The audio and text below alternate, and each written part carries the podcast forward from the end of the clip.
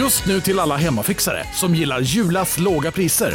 Ett borr och bitset i 70 delar för snurriga 249 kronor. Inget kan stoppa dig nu. På Sveriges största jackpot-kasino går hypermiljonen på högvarv.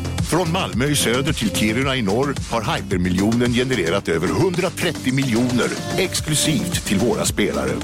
Välkommen in till Sveriges största jackpot-kasino, hyper.com. 18 plus, regler och villkor gäller.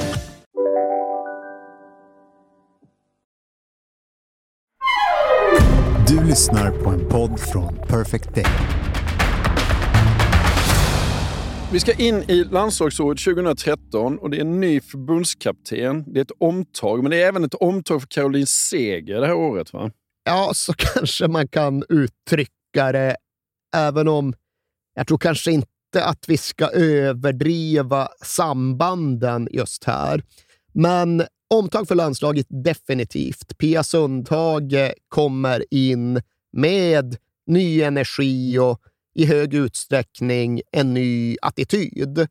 Hon har ju varit i USA och vunnit bucklor med landslaget där och hon har tagit intryck av den här amerikanska störst, bäst och vackrast attityden. Hon tycker ju att det finns något där som gör nytta i idrott och fotboll och i någon mån vill hon försöka överföra en del av det till ett alltjämt ganska ja, men väluppfostrat svenskt landslag. Så till en början är det ju mycket den här retoriken, liksom ut och ta plats, rak rygg och fast blick.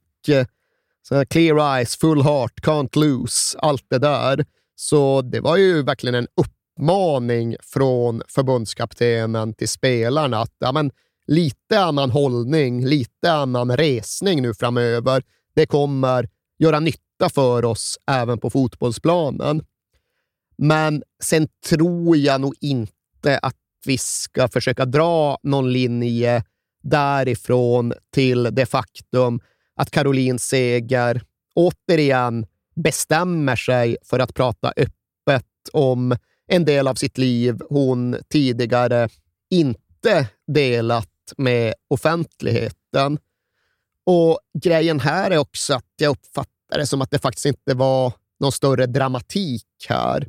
För det som då sker, det är att Caroline Seger sommaren 2013 kommer ut offentligt som homosexuell. Och Det finns någonting med forumet som Ja, får... topphälsa, va? Ja, men alltså bara det får mig att tro att det här var nog ingen storslagen mediestrategisk grej som hon hade verkt fram under stora våndor och liksom väldigt noggrann planläggning. Utan jag får intrycket att hon satt och gjorde en intervju med tidningen Topphälsa och ämnet på ett eller annat sätt kom upp och hon kände att ja, men vad fan, Ja. det här kan jag väl prata om. Ja, Varför skulle jag inte göra det? Och ja, Den frågan är ju relevant.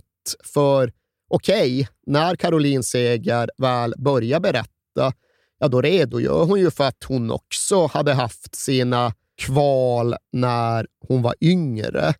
Hon kunde berätta om en tid då hon var ja, men någonstans i 17-årsåldern, då hon själv ja, men accepterade att hon var homosexuell och därefter funderade på ja, men hur öppen hon skulle vara med detta gentemot sin omvärld och i första hand sina vänner och sina föräldrar. Och det sistnämnda kom hon väl ganska snabbt fram till att det var oproblematiskt och odramatiskt. Personerna i hennes närhet var tillräckligt vettiga och öppensinnade människor för att ta detta för vad det var. Så att prata med vänner och föräldrar tycks då ha gått ja, men helt smärtfritt på ett fullständigt naturligt sätt för Caroline Seger. Men sen fanns, sen återstod det där med ja, men hur hon skulle förhålla sig gentemot en offentlighet. Och det fanns tydligen en period då hon själv kände att hon liksom höll på med ett smygande och ett ljugande gentemot både sig själv och alla andra som hon såklart inte trivdes så värst bra med. Att hon liksom gick runt i intervjuer och antydde att hon dejtade killar. Och det gjorde hon väl tills hon till sist ja, men ställde sig frågan varför hon skulle hålla på på det sättet ja. egentligen. fanns väl ingen anledning. Och vad var egentligen problemet här? Och min bild är att när vi väl är framme vid sommaren 2013, då har det alltså gått ja, men nästan ett årtionde sedan, de här, sedan den här första perioden av liksom grubblande och funderande. Och vid det här laget så tror jag liksom att det var helt självklart för Caroline Seger hur hon levde sitt liv och det var någonting som alla kände till och något som överhuvudtaget inte var liksom insvept i någon typ av dramatisk mystik. Och ja, men i linje med det så skedde väl det här ja, men offentliggörandet eller det här besvarandet av frågor i tidningen Topphälsa. Ja. Ja, så här lägger det till och så här har det varit och så här är det nu. Och ja, Det finns väl inget märkvärdigt runt detta. Och nej, det gör det ju inte och så har det väl förblivit. För Caroline Seger har ju ända sedan detta varit liksom helt öppen med sin sexuella läggning och det är ju aldrig så att ämnet är minerat eller än mindre förbjudet. Men hon har inte heller blivit liksom någon form av förkämpe för en sak på samma tydliga sätt som jag inte vet jag, exempelvis Nilla Fischer eller Magdalena Eriksson. Hon har ju valt att inte Nej, men det här, göra det. Liksom. Det här har inte varit en så oerhört stor grej runt hennes fotboll, utan ja, när det nu var någon som undrade så kunde hon väl ge några raka svar och någon typ av redogörande och, och sen var det väl bra med det. Ja. Och om vi ska gå mot EM 2013. Det var en ny förbundskapten som nästan är den största stjärnan i landslaget. va? Ja, alltså Pia Sundhages status och berömdhet var... Jäkla vad stor den var ja. här för knappt tio år sedan. Nästan så att man har glömt det lite grann, men hon var ju fan folkkär när hon återvände som den här vinnaren från USA med uppdraget att förlösa det svenska vinnarlandslaget. För det var ju så uppdraget såg ut. Nu skulle hon just ta sin erfarenhet av att faktiskt lyfta bucklor och överföra den till det svenska damlandslaget. Och som sagt, i början mycket det här om liksom det mentala, attityden, ta för sig-tänket. Men vi ska inte förminska Pia Sundhages ledarskap till att enbart handla om sånt, utan hon gick ju såklart även in på det taktiska och det spelmässiga. Och när vi kommer till Caroline Seger och hennes roll i Pia Sundhages landslag så var förbundskaptenen väldigt klar över att hon ville få Seger att spela snabbare, rakare och göra fler poäng. Och det här var inte några lösa funderingar, utan det var uttryckliga order. De höll på på träningarna och Pia Sundhage försåg Caroline Seger med en typ av, vad ska vi säga, framåtriktad bakbundenhet. Det betyder då att hon var förbjuden att spela bollen bakåt. Ja. Alldeles oavsett om hon var pressad eller om det liksom var det rätta att cirkulera och börja om, så skulle hon enbart passa framåt. För det var det Pia Sundhage ville få ut av henne. Mindre bollcirkulation, mindre possession och kontrollfotboll. Mera framåt, framåt, hela tiden framåt. För ja, om inte annat var det ju så de spelade och tänkte i USA. Ja. Och EM skulle dessutom vara på hemmaplan. Ja, ja och det multiplicerade liksom hela turneringen på något sätt. Det här var någonting mycket större än EM 2005 eller EM 2009. Nu var verkligen nationen med från början. Nu förväntade sig nationen saker. Nu var det nästan som att fotbollsnationen Sverige faktiskt krävde saker och därför var det en ännu större missräkning än vanligt när Sverige som brukligt inledde turneringen knackigt.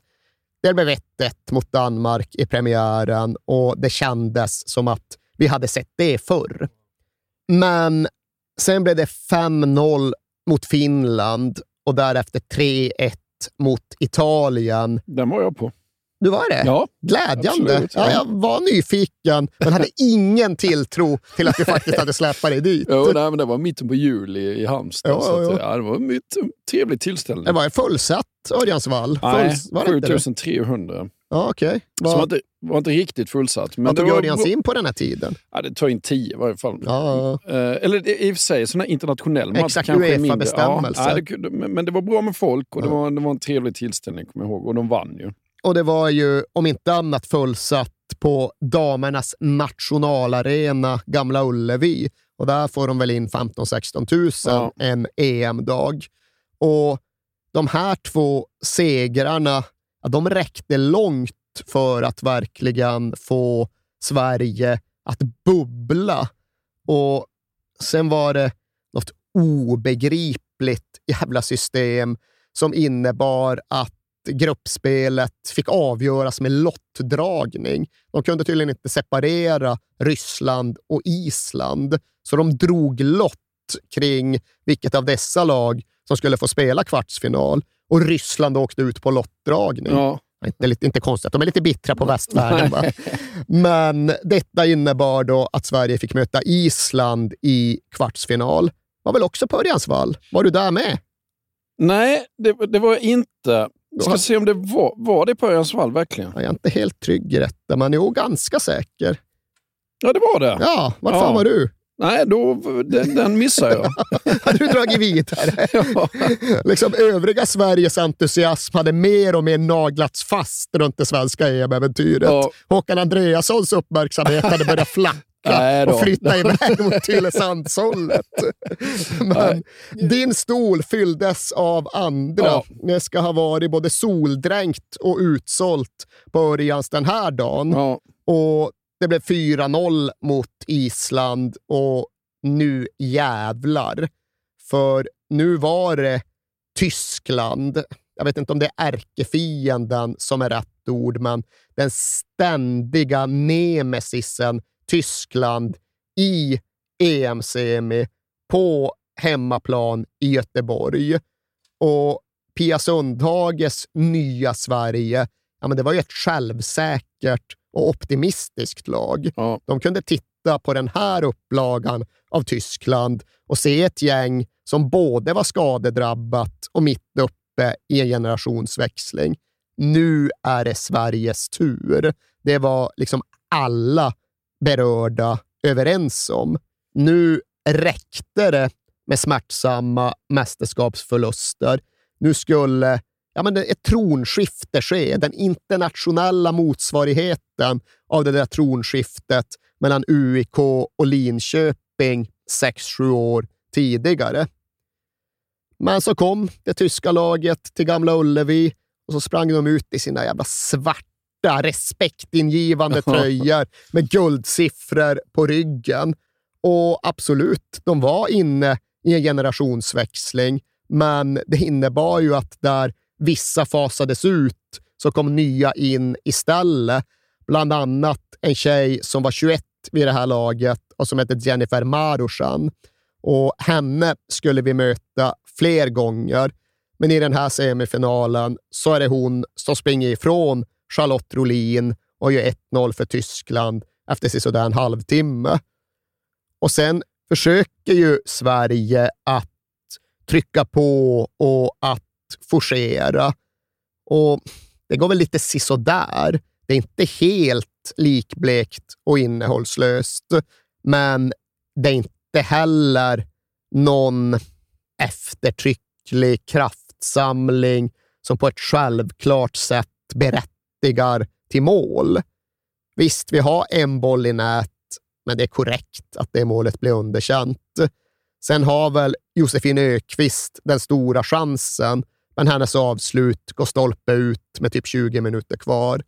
Och därefter är det ju inte så värst mycket mer, utan töskar förblir töskar, Ja. som Sven-Göran Eriksson hade sagt. Nya spelare, nya tröjor, men samma jävla utfall. Det är millimeter att de gör mål och det är millimeter från att inte vi gör mål.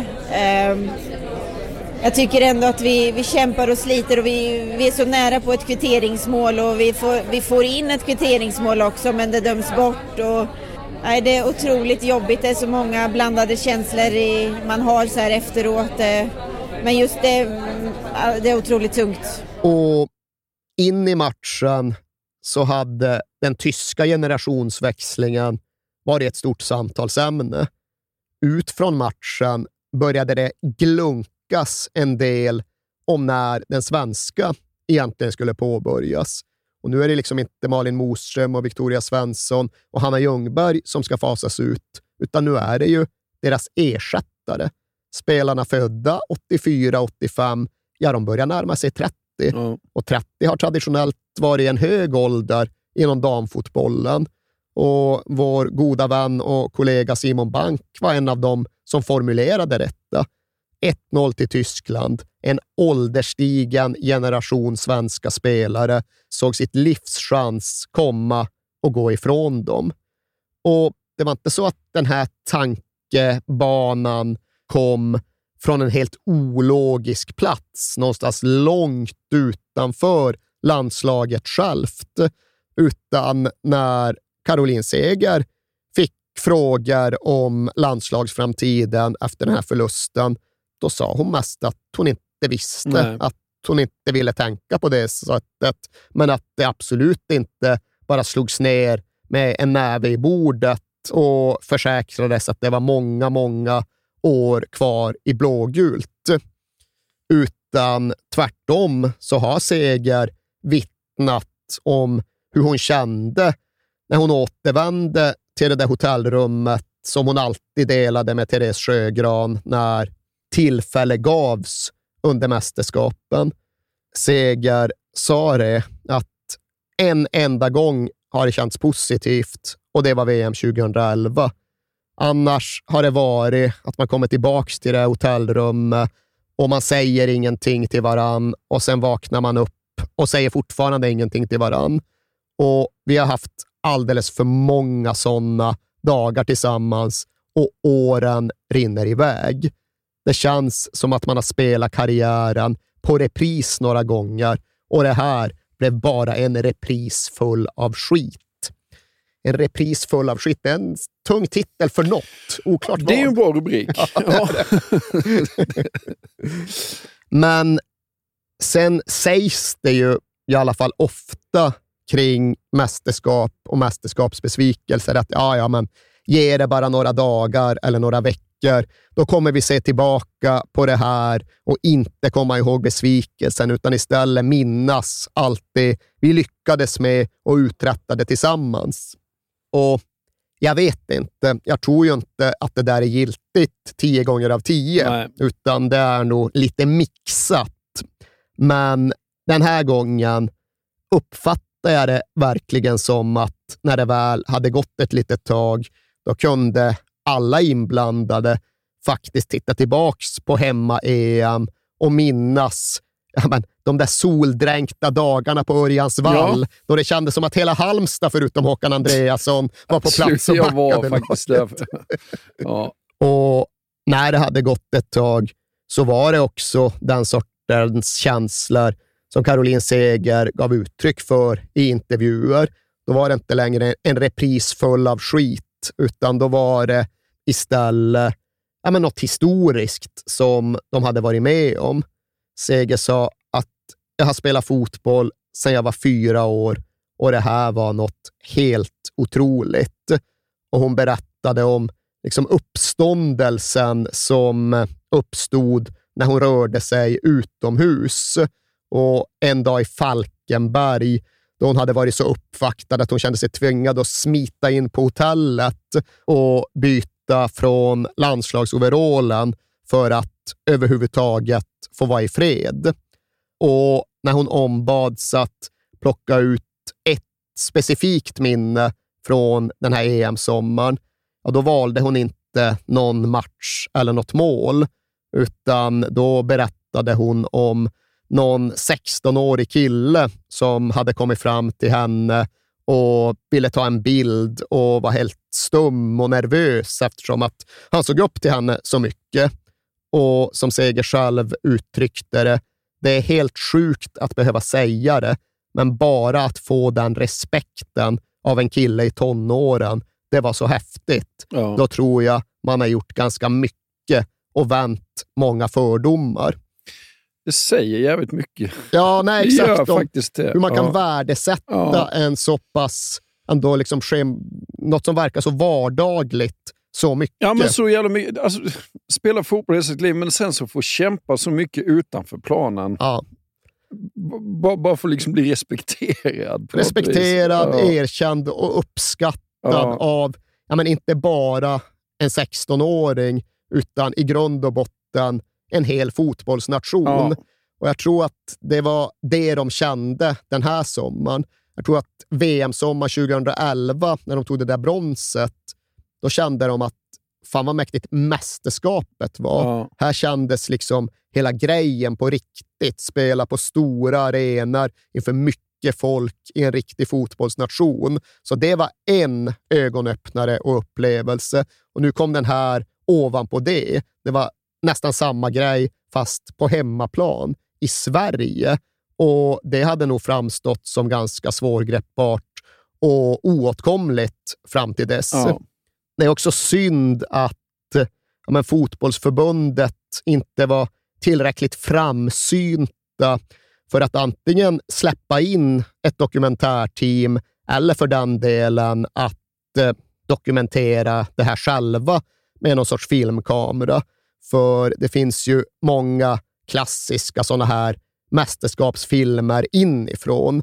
Och jag tänker kanske framför allt på den här Deutschland ein Sommermärchen, alltså den tyska sommarsagan från hemma-VM 2006. Just det. det här hade lite kunnat bli vår småskaliga motsvarighet, men vad jag kunnat hitta finns det väldigt lite bevarat inifrån. När du säger det, borde ju fan, varje gång vi går till ett mästerskap, både på dam och herrserien, så borde det ju vara ett sånt team med. Det hade ju varit fantastiskt. Ja, verkligen. Och numera har de ju sina egna liksom, socialmediala team. Jo, men det är ju inte alls samma Nej, sak. det sätts ju inte Nej. ihop på det sättet. Nej. Och jag tror att en del i att jag kände att fan, just den här sommaren hade det varit extra mycket värt. Ja, men det är de här ögonblicksbilderna som flera av spelarna vittnar om och för den delen som förbundskapten Sundhage också kan försöka skildra med ord. För när Pia Sundhage skulle ta ut sitt favoritminne från EM-sommaren, då pratade hon om att de hade tagit in Louise Hofsten en kväll för att liksom, prata med laget, inspirera laget. Och då hade ju dessvärre Louise Hofsten just haft ett skov, så hon var inte i bästa fysiska skick. Och tanken var att hon skulle läsa någonting som hon hade skrivit för att liksom få landslagskänslorna i brand. Men hon mäktade helt enkelt inte med det. Och istället föll det sig så att lagkapten Caroline Seger fick läsa den där texten som någonstans var skriven just för att väcka känslor och ge inspiration, kraft och mod. Och Pia Sundhage kan verkligen förbli besjälad flera år efteråt när hon pratar om sin upplevelse av att Caroline Seger tog den där Louise Hofsten-texten och med henne vid sin sida läser upp den på sin gantofta skånska. Eh, det var så känslosamt, säger Pia Sundhage. Jag ryser när jag talar om det. Ja. Och man kan ju föreställa sig ungefär hur det måste ha sett ut och låtit Ja. och känts. Just den där skånskan. Liksom. Ja, och ja. Där önskar jag att det hade funnits ett dokumentärteam. verkligen. Men nu får vi nöja oss med den bilden och den föreställningen. Ja.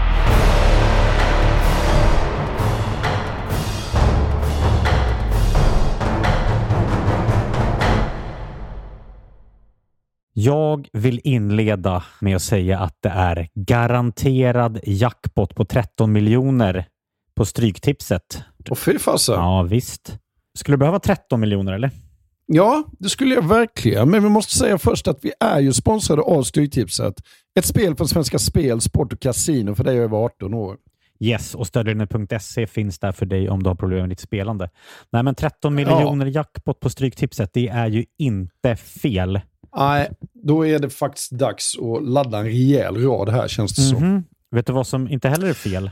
Nej, Födelsedagsfirandet och alla härliga Mm. historier vi får in. exakt. Mm. För vi är ju mitt inne i Stryktipsets 90-årsfirande som vi firar med att läsa upp fantastiska historier från våra lyssnare. Yes. Som skickar in dem till kings at perfectdaymedia.se. Precis, bomba på nu. Det är åtta månader kvar på det här firandet, så att, eh, vi kör nu. Mycket Stryktipshistorier vill vi ha. Mm. Och i dagens har vi fått från Peter som skriver så här. Hej på er och tack för en helt otrolig podcast. Den har räddat mina veckor i snart fyra år.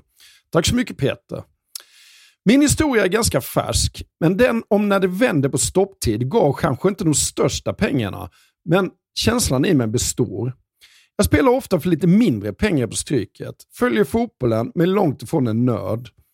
Och allt såg väldigt bra ut senast, förutom på min etta på Manchester United mot Brentford. Var ändå väldigt, eh, var ändå väldigt nöjd med hur resten satt. Men på stopptid satte min nya favoritspelare, skotten McTominay, två mål och vändningen fullbordades. 64 rader blev 12 000 kronor. Tack för en bra Det är podd. otroligt. Ja. Och tack för en bra historia Peter. Ja, och som man älskar Scott McTominay. Gör man inte det? Ja, det- gör man faktiskt. Han liksom kommer in i straffområdet jävligt bra faktiskt. Mm. Vi säger stort tack till våra vänner på Stryktipset. Tack.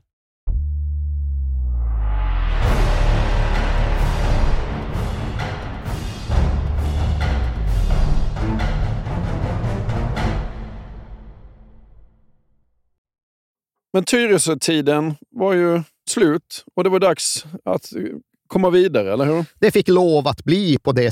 sättet, för oavsett vilka mejl som skickats och inte skickats så fanns det ju inget Tyresö att stanna kvar i. Ens om man ville och drömde om detta, för ja, den konkursen fullbordades ju den här sommaren. Det var bara att söka sig till annan adress. Och även om Wolfsburg var Europas bästa lag vid den här tiden, även om de kanske var det bästa lag som Caroline Seger någonsin hade mött, så kom den främsta utmanaren nerifrån Frankrike, där Lyon höll på att bygga upp något helt historiskt. För ja, de hade vunnit ligan åtta år i rad till att börja med. Men det var inte dit Caroline Seger skulle, utan hon skulle till ja, men utmanaren, eller vad vi nu ska kalla det petrofinansierade PSG. Och det var ju inga hundratals miljoner av Qatar-pengarna som skyfflades ner i damfotbollen, men ändå tillräckligt mycket för en tydlig satsning. Och den gick ju då först och främst ut på att detronisera Lyon. Och till en början gick det sisådär, för när de möttes i ligan på hösten så vann Lotta Schelins Lyon med 2-1. Och grejen var ju att de här inbördes mötena i praktiken avgjorde ligan. Ja. De tappade liksom inga poäng någon annanstans. Så när de förlorade den här första matchen, ja, då framstod det som väldigt svårt att lyckas i ligan. Men därefter föll det sig så att de franska titanerna lottades mot varandra redan i Champions League-åttondelen i november 2014. Och det här sammanföll då med ligamötet som skulle gå emot varann under tre matcher på två veckor. Okej, okay, de förlorade i ligan, men i den första Champions League-matchen i Paris så blir det 1-1. Och tror ni ta mig fan inte att PSG sen faktiskt går och vinner i Lyon? Kosovare Asllani bryter käken, så mycket offrar hon sig mm. och till sist så lyckas de pressa in ett segermål med tio minuter kvar. Och det är en enorm triumf ja. och seger för Caroline Segers nya lag. Så det är väl klang och jubel i hela den nya PSG-familjen när vintern närmar sig, kan man tänka. Ja, men sen når ju svenska dispyter hela vägen ner till Frankrike. Exakt. För sen ska det ju vara ja, men en storslagen dag av svensk-fransk förbrödring och gemenskap. För det är då dags för statsbesök i Paris. Kungaparet kommer och en hel radda ministrar. Och de ska naturligtvis passa på att sola sig i den blågula glansen runt PSG.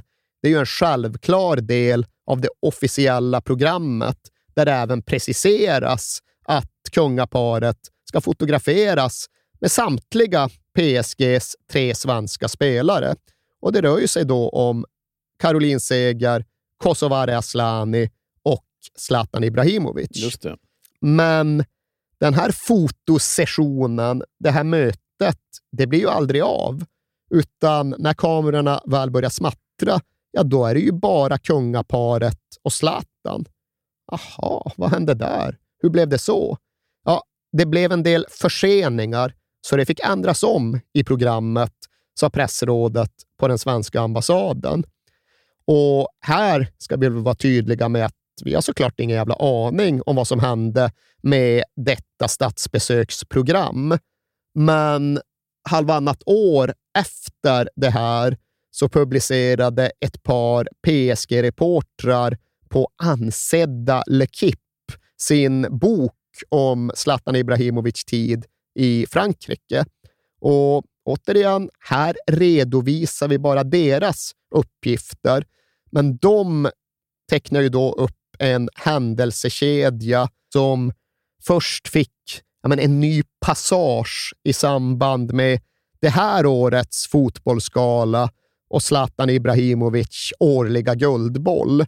För enligt boken så påstås Zlatan ha noterat med både besvikelse och ilska att vare sig Caroline Seger eller Kosovare Asllani applåderade när han skulle ta emot det här priset. Ingen aning om huruvida mm. det var så eller huruvida Zlatan reagerade på det här sättet. Men så uppges det vara enligt den här till synes välunderrättade boken. Och detta ska då ha fått följden att Zlatan återvände till Paris och inför det här inplanerade kungabesöket bara sa till PSGs ledning att nej, det är de eller så är det jag. Ni mm. bestämmer, men det blir inte vi tre tillsammans. Och mer vet vi inte, men vi kan konstatera att det fick ändras om i programmet och att det enbart var Zlatan Ibrahimovic som fotograferades med det svenska kungaparet, trots att de två kvinnliga PSG-spelarna stod redo och beredda ja. dagen igenom. Och så vitt jag vet så var det väl också så att Zlatan och Caroline Seger delade klubbadress under ett helt år utan att någon gång överhuvudtaget stötas på eller hälsa på varandra.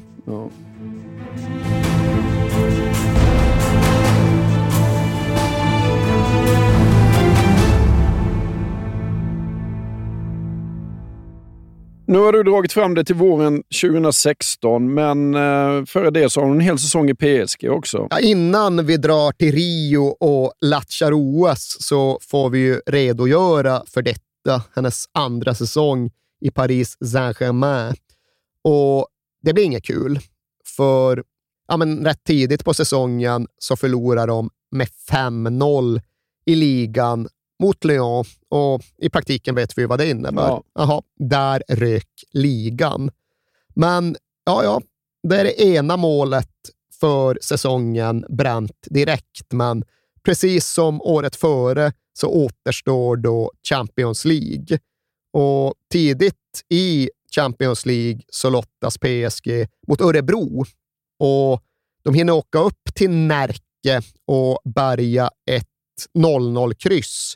Men innan returen sen hinner spelas, ja då drabbas ju Paris av de här fasansfulla terrordåden Ja. mot Bataclan-teatern och Stade de France och allt vad det nu var. Så det är klart att det påverkar stämningsläget på alla sätt under rätt lång tid framöver. Och vissa tog ju det där mentalt hårdare än andra. Och jag vet att en av anledningarna till att Kosovare Asllani med tiden valde att flytta tillbaka till Linköping, ja, det var detta. Liksom. Hon kände sig inte trygg där ute längre. Nej. Och det går ju liksom inte att döma eller ha några synpunkter på det. Eh, men riktigt där hamnade inte Caroline Seger. Men oaktat detta så sipprade säsongen ut i besvikelse. För okej, okay, Champions League lever vidare in i våren 2016 och PSG slår ut Barcelona i kvarten och står då sen mot Lyon igen i semi. Och här avgörs och definieras någonstans Caroline Segers tid i PSG, eller i alla fall PSGs år under tiden då Seger var där. Skulle de lyckas med att peta Lyon, om inte ner från tronen, så i alla fall åt sidan, skulle de kunna ta plats bredvid dem. Ja, så här långt hade de ju bara tappat två ligor och nått en Champions League-final de ändå förlorade. Men ja, vinner de här, vinner de sen Champions League, ja, då går ju allt ihop. Och jag tror det går, Lyon i Champions League-semi våren 2016. Det har jag faktiskt inte kollat Nej, jag anade nästan det. Ja, ehm, jag tror de förlorar Jaha, på vad... straffar. Ja, det är den andra varianten. De förlorar inte jätteknappt, de förlorar jättestort. Jaha. Första mötet 7-0 till Lyon. 5-0 Jaha. i paus. Och så var det med den tiden Ja. i Paris Saint-Germain. Jag står man som en idiot igen. Man måste välja var man sätter in stötarna för att få dig att framstå som den idiot du är. Man måste liksom läsa vad jag tror att du orkar researcha och vart du bara skiter i det och spolar förbi. Det är- det är en färdighet som jag Du är inte utvecklar. dålig på att hitta dem heller. Du känner ju fan mig bättre än mig själv. Ja, eh, okej. Med den här stora besvikelsen så är det väl rätt skönt att åka till Rio? Va? Ja, det är det ju. Alltså, såklart det är det. Hör ju själv, åka till Rio. Ja, Men det finns ju ändå den här farhågan om att det är om något en nedåtgående tendens under Pia Sundhage. EM 2013, ja, det blev väl rent sportsligt godkänt, vare sig mer eller mindre. Och VM 2015 hade sen blivit ett jättemisslyckande. Och även om det sen hade visats upp kurage och kampvilja under den här lilla kvalturneringen så fanns det ingen större tillförsikt utifrån den här gången, utan det var rätt och slätt inte särskilt många som trodde särskilt mycket på det här laget. Och till en början så verkade ju domedagsprofeterna får rätt och blir besannade. För okej, en premiärseger mot Sydafrika, ja, det är väl vad det är. Och därefter en 5-1-förlust mot värdnationen Brasilien. Och alltså, den förlusten hade ju kunnat vara ännu större. Det svenska tröstmålet kommer först i 89 minuten när liksom brassorna låter Lotta Schelin sätta en boll. Och det magplasket följs sen av ett sterilt 0-0-kryss mot Kina som innebär att Sverige hankar sig fram till kvartsfinal som en av de minst usla treorna. Men Caroline Seger kan blicka tillbaka och konstatera att ah, egentligen var hela gruppspelet en katastrof. Och av det som Pia Sundhage hade dragit in med i den svenska landslagsfotbollen av den här liksom anfallslustan och vinnarviljan och offensivfotbollen så fanns egentligen ingenting kvar. Det fanns ingen 4-1-3-2-modell och det fanns inte heller något framåtlutat 4-3-3-spel, utan det enda som egentligen återstod, ja, det var ju med riktigt gamla klassiska svenska fotbollsvärlden som vi klarade av att gräva fram. Organisation, struktur, en uppoffringsvillig försvarslusta och för den delen en benägenhet att orka strida för både varandra och för laget. Och ska vi försöka vara lite generös mot Pia Sundhage så kan det väl finnas något i den där gruppdynamiken att äh, det här var inte ett gäng som fick spelet att flyta, men det var i alla fall ett gäng som tänkte sälja sig jäkligt dyrt och stå upp för varandra så länge det överhuvudtaget fanns något litet hopp kvar. Och in i kvarten mot Får man USA. vara lite negativ? Eller? Ja, det får du absolut vara. säga, hon kanske inte var så jävla taktiskt skicklig ändå, Pia Sundhage. Nej, kanske inte. Samtidigt tyckte jag att så fort hon pratade om taktik och liksom korrigeringar så klarade hon av att vara både konkret och tydlig på ett sätt som verkligen inte går att ta för givet bland ofta rätt diffusa fotbollstränare. Men ja, jag tror väl kanske att det i alla fall är rättvist att säga att ja, hennes stora styrka som ledare ligger inte i taktiken, Nej. utan det finns snarare i liksom det mentala och liksom det entusiasmerande. Ja. Men ifall Sverige hade varit nederlagstippat in i OS så var ju laget utdömt inför kvartsfinalen mot serievinnarna från USA. Men kan inte ett svenskt landslag göra någonting annat, ja då kan det i alla fall göra sig svårbesegrat. Och så uppträdde definitivt Sverige den här dagen och för den delen genom återstoden av OS-turneringen. För äh, 4-3-3, nej, nej, nej, nej. Nej. Lotta Schelin, Kosovare Asllani, ner som mittfältare. Ja, ni kan sjunka så lågt att ni nästan står där ytterbackarna brukar stå. Ja. Och sen så slår vi ifrån oss och så har vi kvar Stina Blackstenius där framme som löpare och murbräcka. Och ja, fan, whatever works. Ja. Det här funkade ju. Sverige sjönk med 10, knackade långt på Stina Blackstenius och så rusade hon in med 1-0 efter en timme. Och den amerikanska kvitteringsjakt som sen följer är nästan förvånansvärt halvhjärtad, men ur ingenting, ur bara en rikoschett inne i straffområdet, så får Alex Morgan läge att vräka in 1-1 med kvarten kvar. Och jaha, ja, ja, det var väl det då. Ja. var ju kul att få hoppas i 15-20 minuter, men nu blir det väl som det alltid blir. Men nej, ett märkbart blekt USA, kanske lite taget av värmen i Brasilia, hade inte så där jäkla mycket att komma med, utan matchen tickade ut till ett straffsparksavgörande. Och det är klart att så fort ett sånt uppstår i Caroline Segers karriär så är vi ju nyfikna på att titta på henne. Och det var inga bekymmer. Det var inga problem.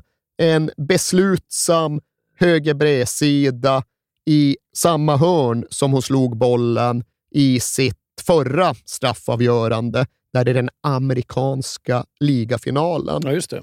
Och det visar ju sig vara ett jäkla viktigt mål såklart, för omedelbart efter så skjuter den gamla lagkamraten från Tyresö, Kristen Press, bollen över det svenska målet.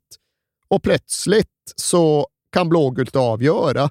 Plötsligt står Lisa Dahlqvist med bollen och det enda som står mellan henne och en svensk OS-final, det är ju då den amerikanska färgstarka målvakten Hope Solo. Det. Och vad är hon?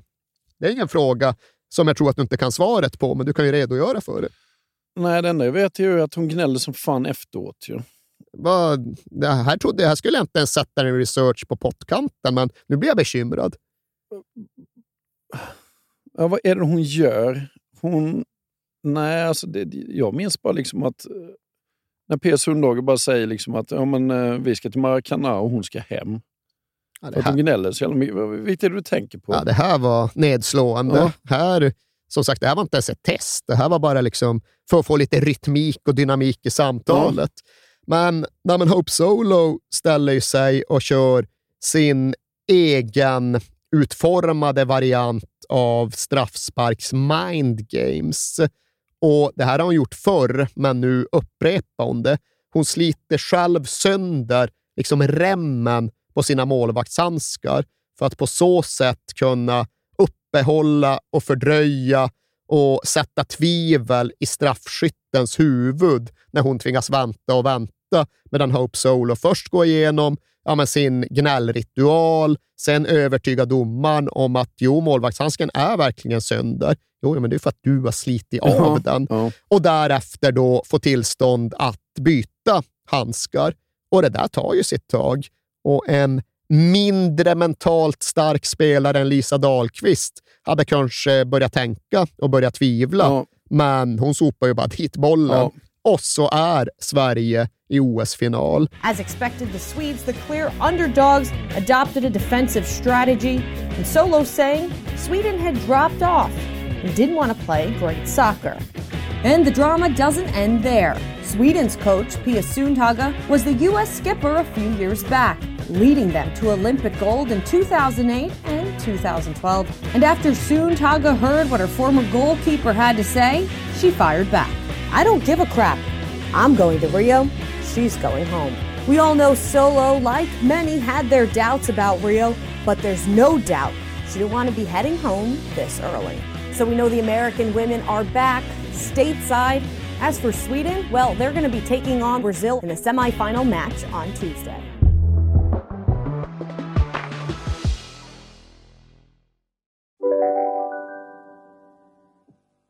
Hej, Synoptik här. Visste du att solens UV-strålar kan vara skadliga och åldra dina ögon i förtid? Kom in till oss så hjälper vi dig att hitta rätt solglasögon som skyddar dina ögon. Välkommen till Synoptik. En nyhet. Nu kan du teckna livförsäkring hos Trygg-Hansa. Den ger dina nära ersättning som kan användas på det sätt som hjälper bäst. En försäkring för dig och till de som älskar dig.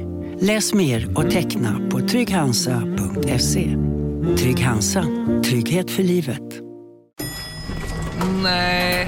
Dåliga vibrationer är att gå utan byxor till jobbet. Bra vibrationer är när du inser att mobilen är i bröstfickan. Få bra vibrationer med Vimla. Mobiloperatören med Sveriges nöjdaste kunder enligt SKI.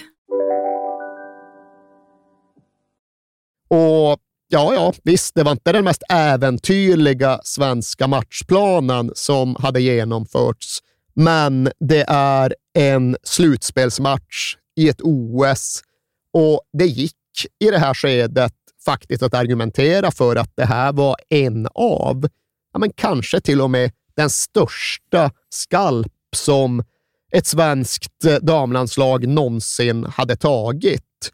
För visst, vi hade varit framme i både semifinaler och finaler tidigare, men då upplevdes det i alla fall delvis vara följden av gynnsamma lottningar.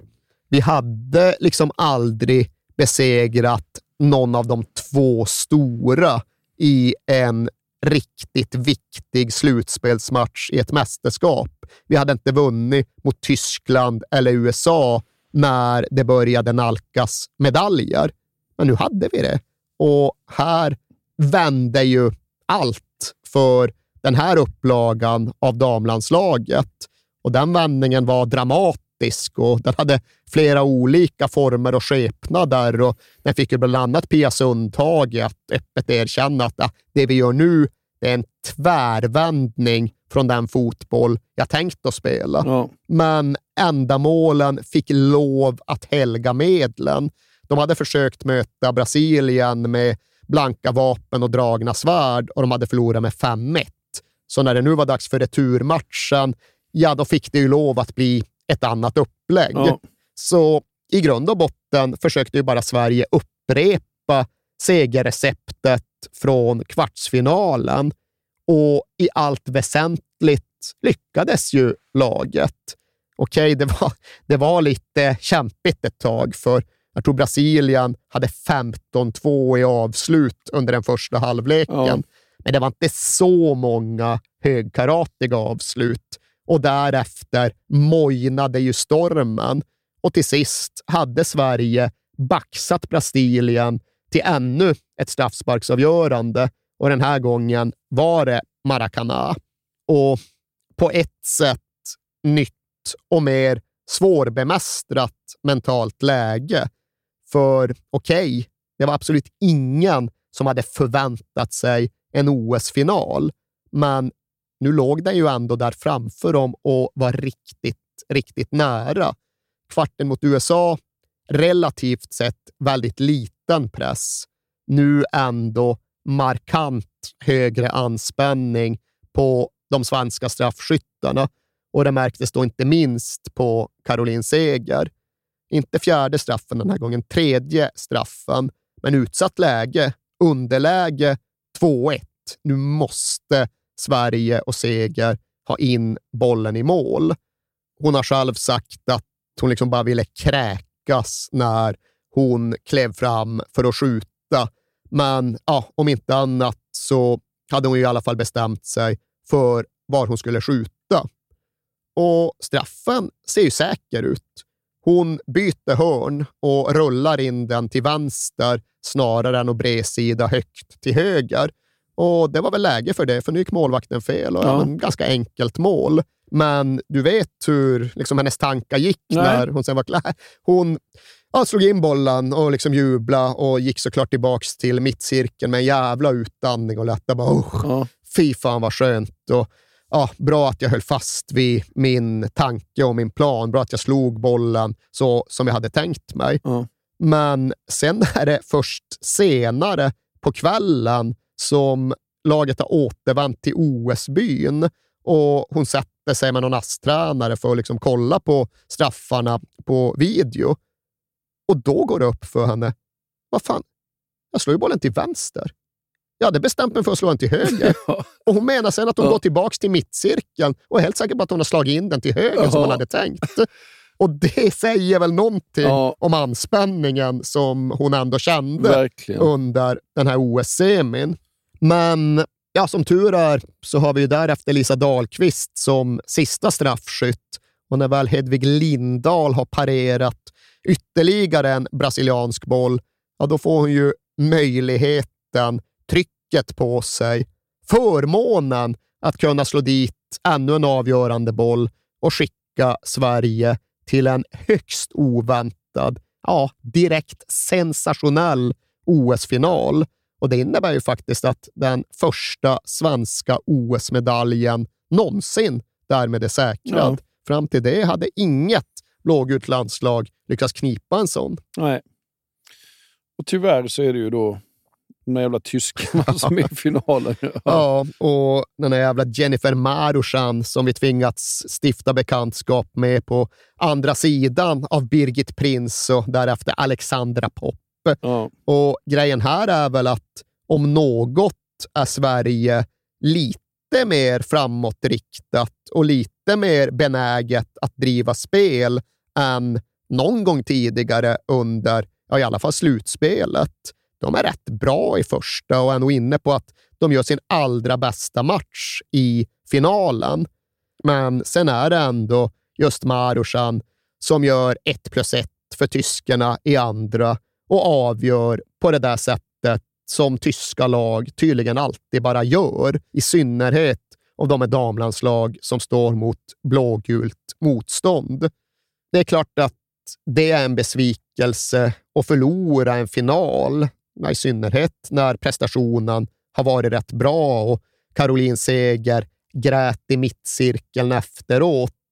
Men ja, här gick det nog rätt snabbt att komma över de känslorna och istället kunna glädja sig åt ja, men, någon typ av bonusresa fram till en stor jäkla framgång.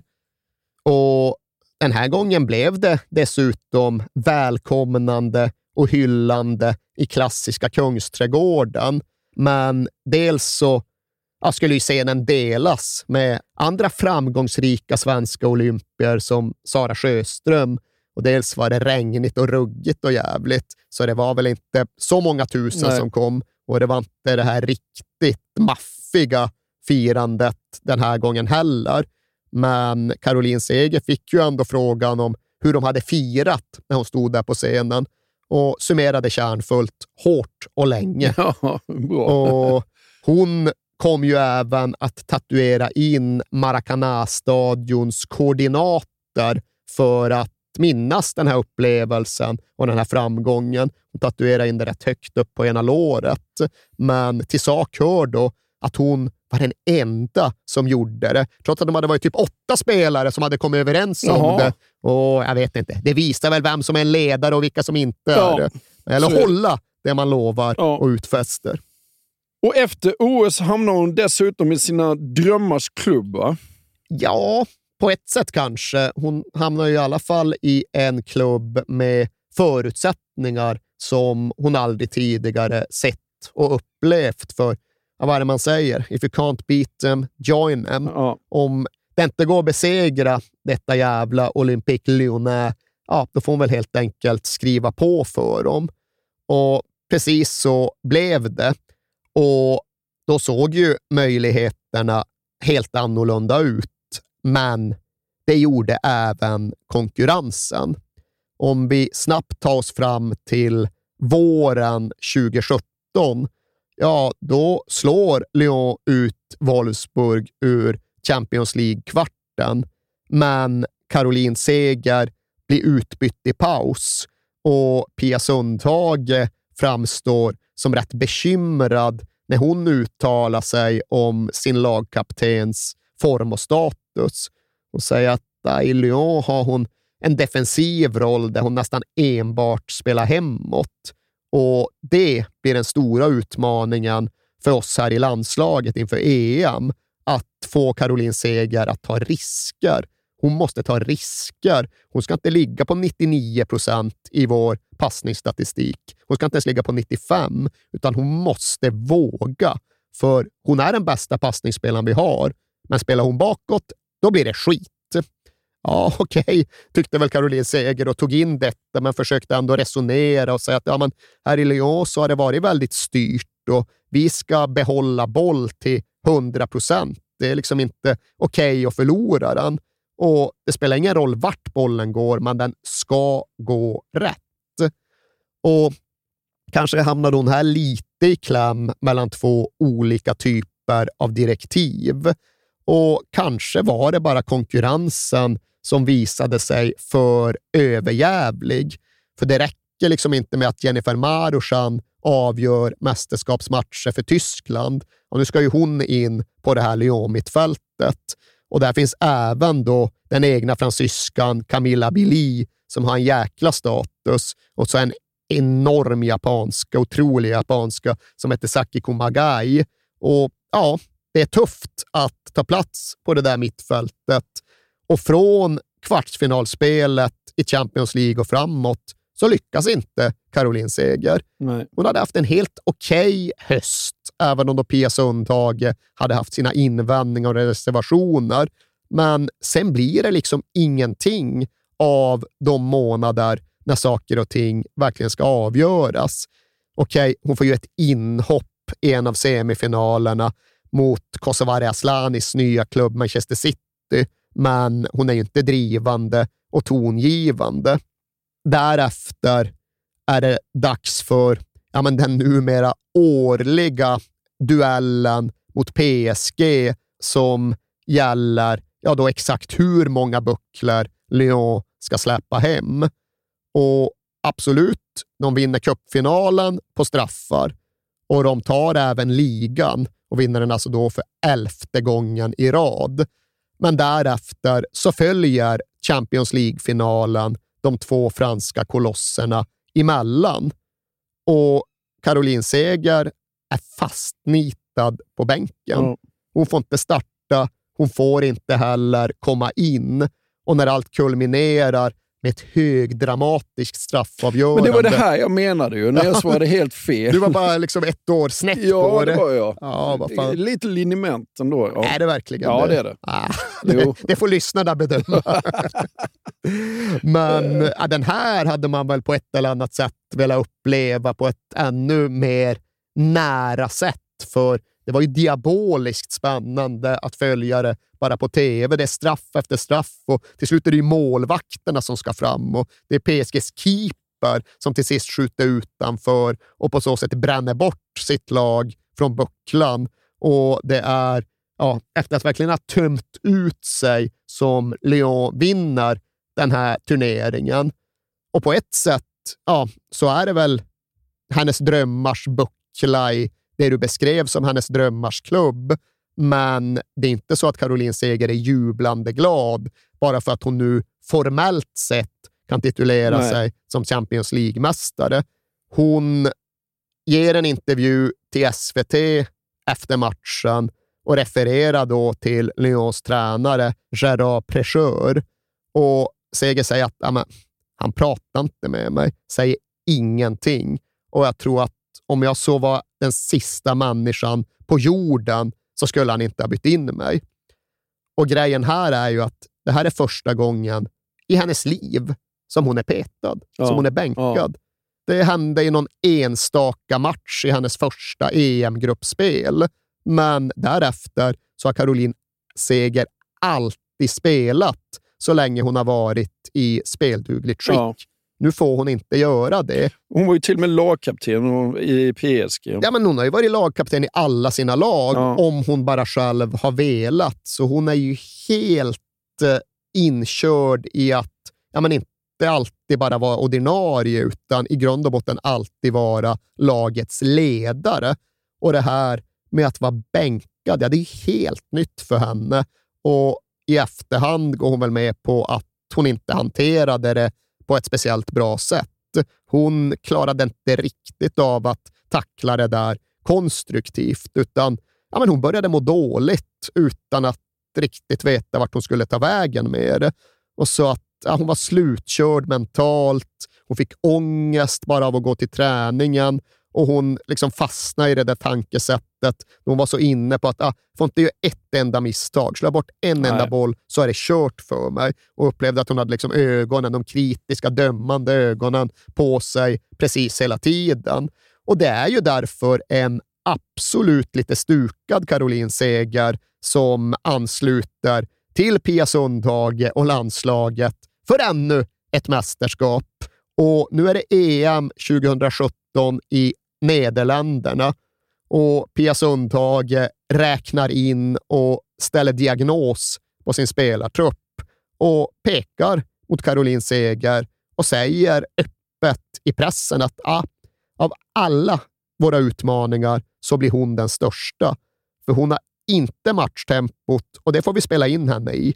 Men ja, blir hon för ängslig och ska kladda på bollen, ja, det har vi sett och det vill vi inte se. Utan ja, det är min prioritet nummer ett. Rätt jag ska spendera det, men- väldigt mycket tid med? Caroline Seger. Ja, men alltså, hon var ju sån, Pia Sundhage, att hon var ju tydlig, eller konkret, eller rak, eller hård, om Ja. du så vill. Och Sen är väl hennes bedömning här att ja, Caroline Seger både kan klara det här och Caroline Seger ska klara Ja, det här. hon är inte direkt orutinerad. Nej, hon är kapten i Pia Sundhages landslag och Sundhage förväntar sig att ledarfigurerna ska kunna ha en rak Det är dialog. bara att man är inte van vid att höra en förbundskapten. Ja, tala där var. Pia Sundhage ovanlig, för hon kom ju med liksom en amerikansk kommunikationsmodell. Ja. Och det var ju definitivt så att den passade vissa bättre än andra. Nej, och det här mästerskapet behöver vi inte uppehålla oss jättelänge vid. Va? Nej, det blir väl inte inte så där överdrivet minnesvärt vare sig för Sverige eller för Caroline Seger. För okej, okay, efter tio raka mästerskapsförluster så blev det 0-0 i premiären mot Tyskland och det kanske var något betydelsefullt mentalt fall framåt. Jag vet inte. Men sen blev det programenlig seger mot Ryssland. Men därefter fick vi för oss att förlora mot Italien med 3-2 i den sista gruppspelsmatchen. Och ofta har det ju varit så att Sverige har varit slutspelsklart inför den sista gruppspelsmatchen och det mest handlar om att liksom positionera sig i slutspelsträdet.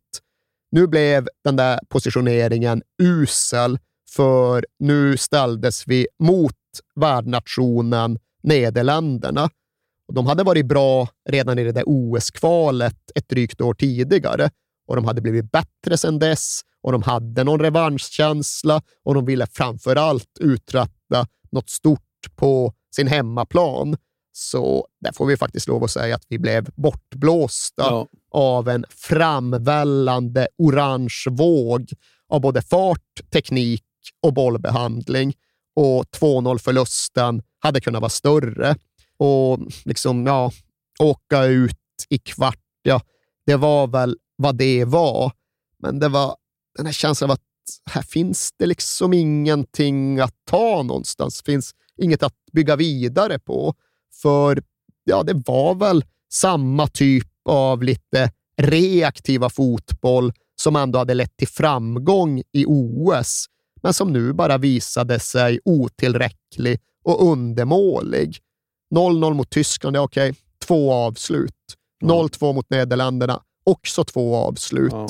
Det kändes verkligen som att oj, nu riskerar vi att bli ifrånsprungna här, för det går fort med damfotbollens utveckling. Det här mellan sig ja, men 2014 och 2020, det hände jättemycket med utvecklingen, kanske framför allt i Västeuropa.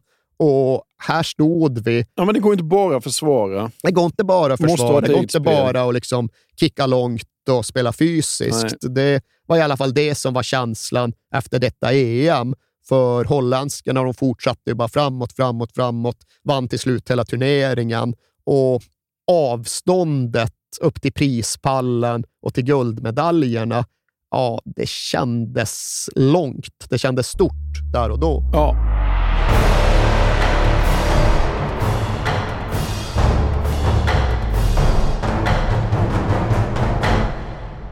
2018 så är det ju faktiskt eh, inga dammästerskap, men eh, hur går det för henne i Rosengård? Jo då, vars. Lite både och och faktiskt rätt mycket och när säsongen 2018 väl ska avgöras. För nu var Jonas Eidevall, alltså numera i Arsenal, tränare för ett ganska omstartat Rosengård och de går mot SM-guldet i en kamp med främst Göteborg och så då sensationslaget Pite från norr. Och i den näst sista omgången så är det den här typen av seriefinal återigen. Som det alltid är. Ja, exakt. Ja. Och nu är det Pite som har initiativet. Vinner de bara nere i Malmö, ja då är guldet klart. Men det gör de inte, utan Rosengård vinner. Anja Mittag gör enda målet. Och nu är det de, nu är det Caroline Seger och gänget som har bucklan i egna händer inför slutrundan. Men det är ingen lätt uppgift, för där är det Göteborg som väntar och de kan inte vinna något guld längre, men de spelar för en andra plats och en Champions League-kvalifikation. Så det är ett spännande och pikant läge när damallsvenskan 2018 ska avgöras. Och Rosengård har pokalen i sina händer, men de släpper greppet. Göteborg tillåts gå upp till 2-0 i den första halvleken. Men sen jävlar är det räfst och rättartag och skärpning efter paus, för Rosengård hämtar omedelbart upp till 2-2 efter bland annat ett mål av Caroline Seger. Och nu räcker det då med ett mål till för att bucklan återigen ska bli deras. Och den andra halvleken är egentligen en enda lång jävla Rosengårdspress. Jag tror de har två i stolpen och en i ribban. Och de forcerar och de forcerar, de flyttar fram och de flyttar fram. Och till sist har de flyttat fram så mycket att det inte finns någonting kvar bakåt. Och Göteborg kan kontra in 3-2 i 89 och 4-2 på stopptid. Och Det här får då konsekvensen att Pite blir svenska mästare. Och Det tycker jag från Norrbotten var så jävla kul att jag absolut känner att det ska ett avsnitt någon gång. Ja, absolut. Men i andra ledet blir ju även konsekvensen att Rosengård faktiskt också tappar andra platsen. Göteborg går om och förbi och kniper Champions League-positionen och Rosengård blir bara trea. Det är klubbens lägsta placering på nio säsonger och bara några dagar därefter så går de och åker ur Champions League mot Slavia Prag som för att understryka damallsvenskans mer och mer undanskymda position i en internationell konkurrens. Så ja, men ganska motigt 2018 som om något vägdes upp av att landslaget i alla fall blir VM-klart. De ställer visserligen till det för sig. De får för sig att förlora i Ukraina och därmed bjuda in ett Danmark som befinner sig på andra sidan strejken tillbaka i kampen om en direkt, direktplats. Och det blir en direkt avgörande match mot Danmark borta i Viborg. Och det känns fan skakigt på ja. förhand. Men som de tenderar att göra tar de sig samman och visar beslutsamhet och vinner faktiskt ganska komfortabelt med 1-0 mot danskarna. Och därför går det i alla fall att blicka fram mot 2019 och se ett VM-år, se något riktigt spännande i horisonten. Och den tillförsikten tycktes sprida sig mer och mer över Sverige. För när det skulle spelas VM-genrep mot gamla hederliga Tyskland i april, ja, då hade förbundet och marknadsapparaten runt haft vett nog att förlägga matchen till Friends. Okej, okay, det blev inte spikat och lapp på luckan, men det kom ändå drygt 26 000 ja. pers. Och det var ju nytt publikrekord för damlandslaget och det var en stor sak ja. för de berörda spelarna. De kände att oj, jäkla vad mäktigt. Här flyttar vi fram positionerna ytterligare lite grann. Här når vi fram till ännu en ny nivå och ja, mot den bakgrunden var det väl lite extra surt att tyskarna karaktäristiskt nog gick och vann. Det är klart. Ja. Det är klart de gjorde. Det är klart de tog en 2-0-ledning och sen fick i och för sig Sverige straff och chans till en sen reducering.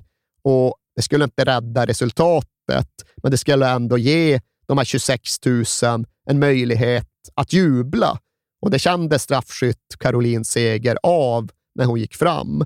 Hon sa att äh, jag tänkte på publiken när jag gick fram för att slå den här straffen och jag tänkte att äh, men nu får jag inte göra drygt 25 000 människor besvikna.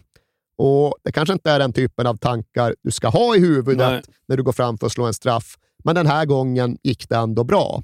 Hon gjorde mål, storpubliken fick jubla lite och det blev inte en förlust som sved. Det blev en förlust som på ett sätt peggade upp inför en VM-sommar. Ja. Men förbundet verkar ju ha fattat galoppen med damlandslaget här och det är fler som gör det va? Ja, när vi nu närmar oss VM och en uppjackad storskalighet i fotbollsnationen Frankrike, ja, men då är det tydligt att eh, fler och fler kommersiella intressen och aktörer ser potentialen i damfotboll. Och det går väl inte minst att skönja genom en stor amerikansk läskfabrikants initiativ att smälla upp en typ av statyer av de svenska landslagsprofilerna inför VM. Och ja, statyer och statyer. det var väl cementavbilder utskrivna på 3D-skrivare för de som bryr sig. Ja.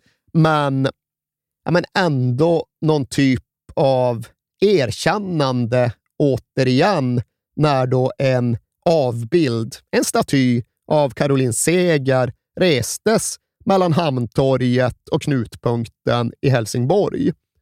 Runt och under den här VM-turneringen så fick jag verkligen bilden av att i alla fall de mer rutinerade och erfarna svenska spelarna upplevde det som att det var någon typ av vägskäl eller brytpunkt för damfotbollen i stort.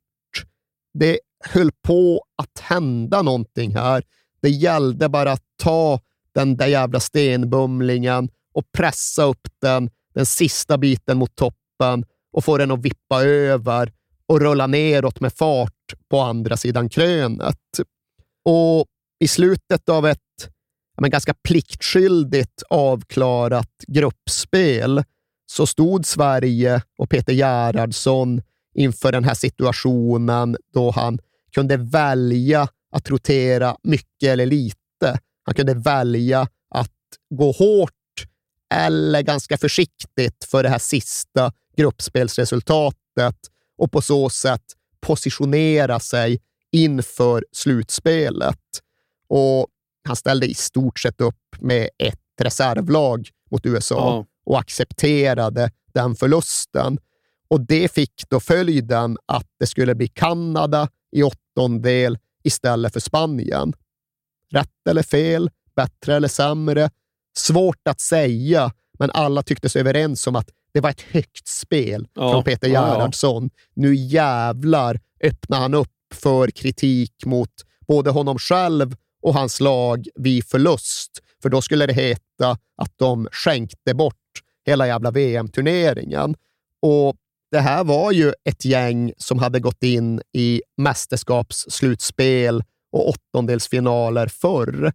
Men det var som att det vilade någon mer nästan ödesmättad tyngd och något stort allvar inför den här åttondelen. Caroline Seger spädde någonstans på den känslan när hon pratade, för hon nöjde sig inte med att bygga upp en VM-åttondel mot Kanada, som såklart är något stort i sig, utan hon pratade om att äh, vi spelar för så mycket mer. Vi spelar för att intresset ska fortsätta växa och för att fler unga flickor ska kunna drömma och se upp till oss. Det är så mycket mer än en kvartsfinal som står på spel här. Och ja, allt kändes så jävla avgörande. Det gjorde verkligen det. Jag kommer ihåg att det var någon nästan spöklik dramatik som ramade in hela den här matchen. Och spelet och hela händelseutvecklingen skulle någonstans även avspegla det. Det var tätt och det var tajt och det var dramatiskt. Och det framstod nästan som skrivet på förhand att så fort ändå Sverige fick ett genombrott, då Stina Blackstenius kunde göra 1-0 med knappt 20 kvar, ja, då skulle Kanada tilldömas, tilldelas en straff mer eller mindre i anfallet som följde därpå. Och den där straffen, ja, det, det dallrade i luften när den skulle slås. VM-kvart stod på spel. En OS-plats stod för den delen också på spel.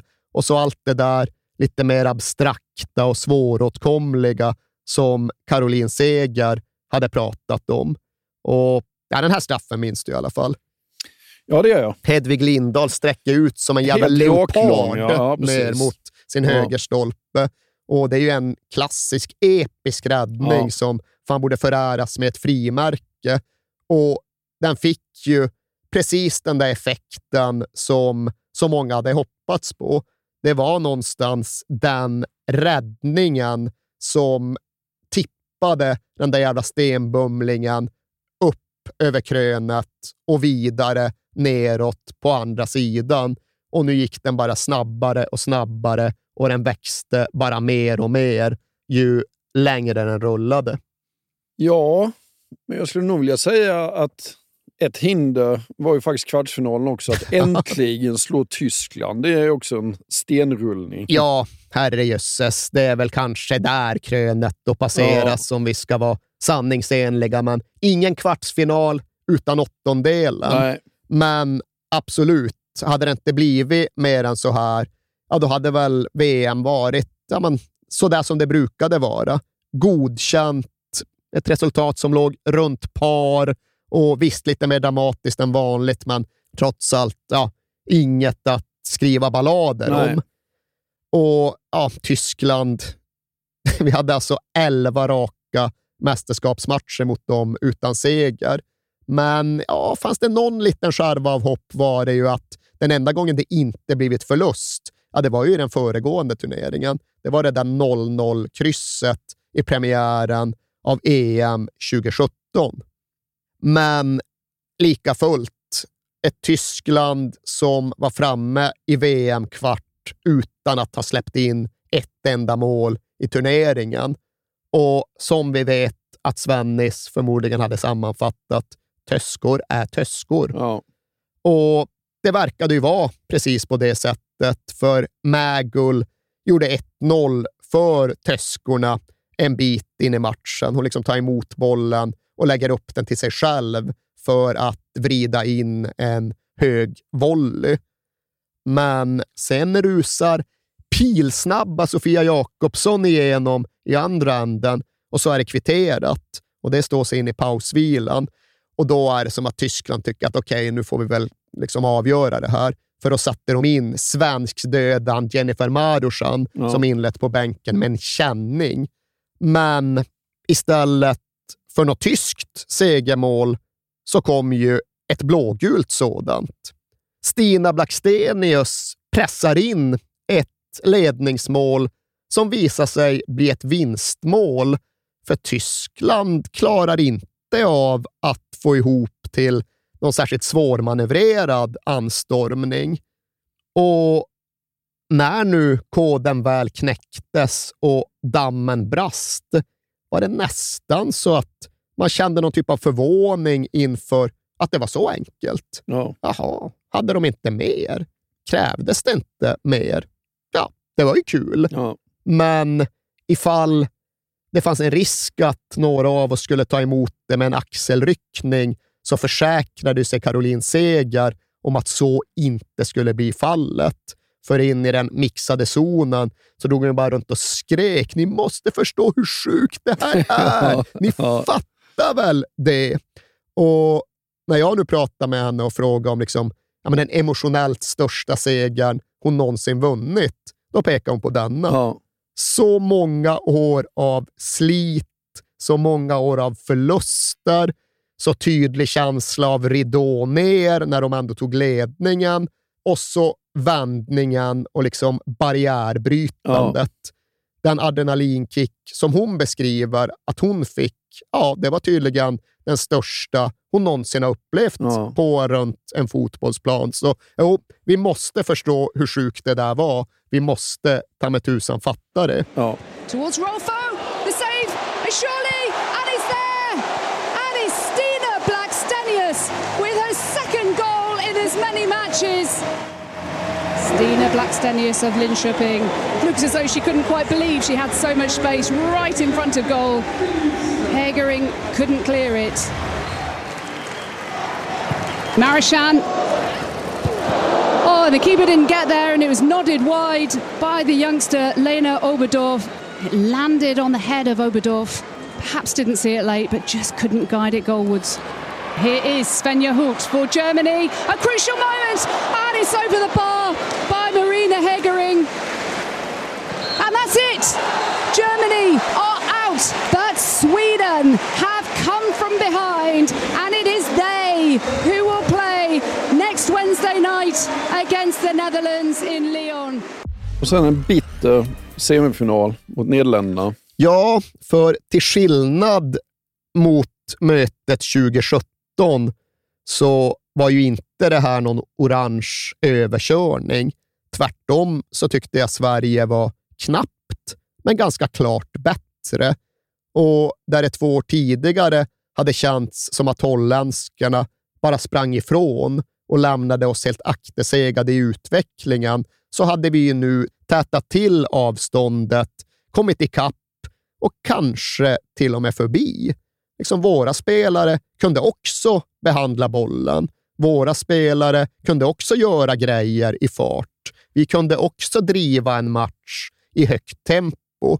Och här ställde vi väl upp med en typ av 4-4-1-1 där Kosovare Aslani fick härja fritt bakom Stina Blackstenius. Och okej, okay, det här var en VM-semi, så det var väl inte den allra mest attraktiva fotbollen som spelades, utan det blev en rätt ryckig och hackig match där de bästa chanserna kom på fasta situationer. För den första halvlekens bästa chans, ja, den hade vi efter en hörna. Och I början av andra halvlek var det en ny hörna och bollen dimper ner framför Nilla Fischer och hon skjuter ju in den i bortre burgaveln. Det är liksom mål. Men den holländska jäveln till målvakt lyckas få några fingertoppar på bollen och styra den i stolpen och ut. En otrolig räddning. Ja.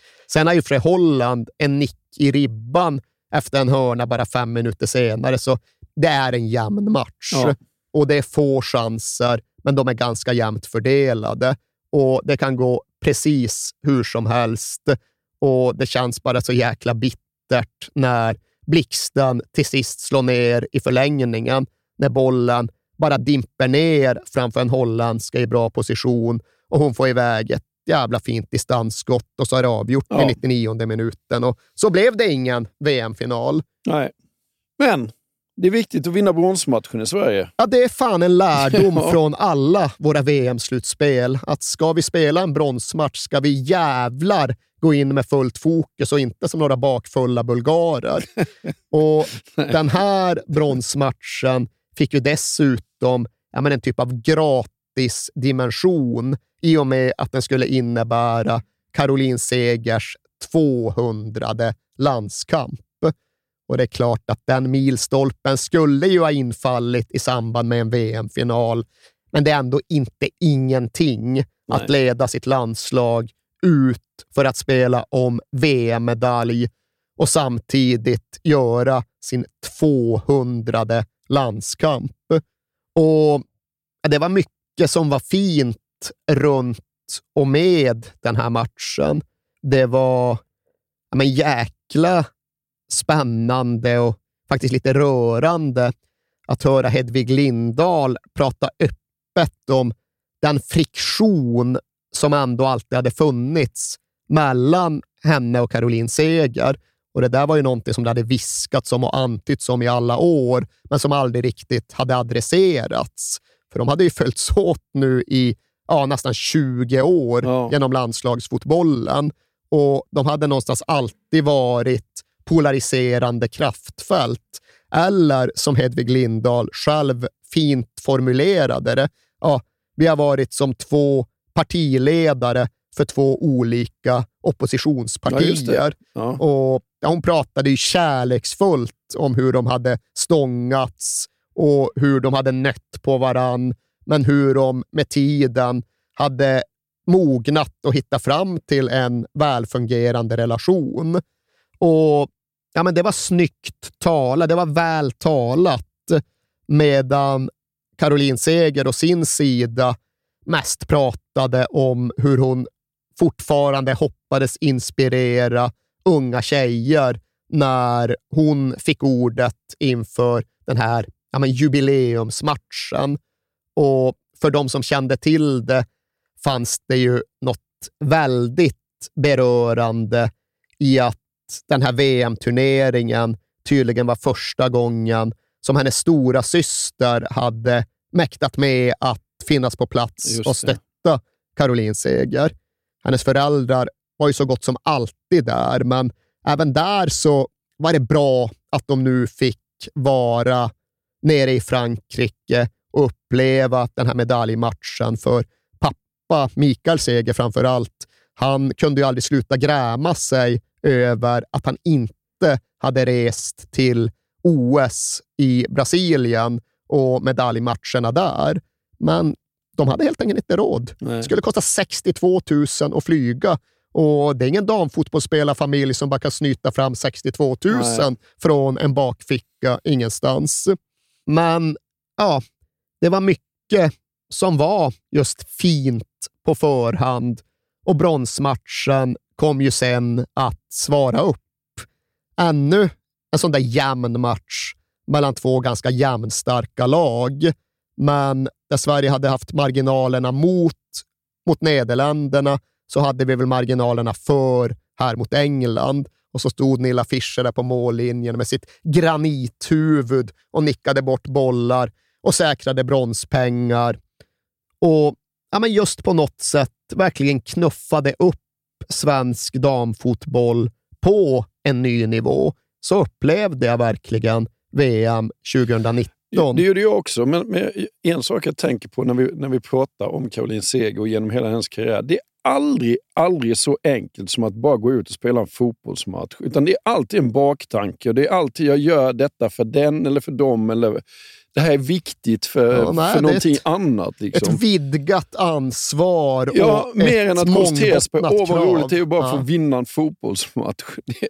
Ja, nej, men någonstans fanns även det med, ja, både när hon pratade direkt efter bronsmatchen och när hon sen snackade igen lite senare. För direkt efter matchen, liksom mer eller mindre på inneplan, då sa hon att ja, men, om jag tänker tillbaka på karriären, allt man har kämpat för och har längtat efter att få uppleva. Ja, men nu 2019 så fick jag göra det. Och det känns som att vi har haft hela Sverige med oss och det har jag aldrig fått uppleva tidigare. Och det är ett minne för livet. Ja. Och sen var det ju tyvärr sådär att det var hela Sverige med en asterisk, med en reservation. För det finns alltid någon jävla dåre kvar där ute.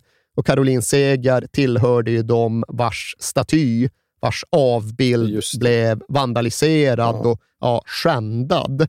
Men det bleknar ju mot det mottagande som mötte landslaget när de återvände till Sverige och Göteborg. För nu var det inte tre minuter i Lotta på Liseberg eller hällregn med Sara Sjöström i Kungsträdgården. Nu var det ju hela, det räcker inte att säga hela jävla Göteplatsen, hela jävla Avenyn i Göteborg och lätt 25 000 på plats. Ja. Och jag var själv där, liksom, släppa med hela, hela familjen för att det känns som att det här är något vi ska uppleva tillsammans. Och Det var ju kul, men vi kom ju så pass sent att vi var inte ens i närhet. Alltså, det är ju åtta tvärgator bort för Ja, att det ja, var så jävla mycket folk. Och det förstår jag att det här måste ha varit berörande på ett helt nytt sätt och givit den där känslan av att äntligen framme och färdiga efter förrättat värv och uträttat uppdrag. Glastaket. Ja, så kändes det. Insparkat. Faktiskt, liksom. Ja. faktiskt. Och Caroline Seger går ut i TV4 sändning och liksom säger vi älskar er allihop. Det har varit helt enormt att känna ert stöd på plats och här hemma. Och jag vill inte gråta, men det här berör mig väldigt mycket och det är lätt att begripa. Ja. Tycker ni att det fattas någon här uppe? Det gör verkligen det. Vi säger att den här tjejen har spelat 200, 200 smockar på det. Mäktiga landskamper. Hon är lagkapten. Hon ger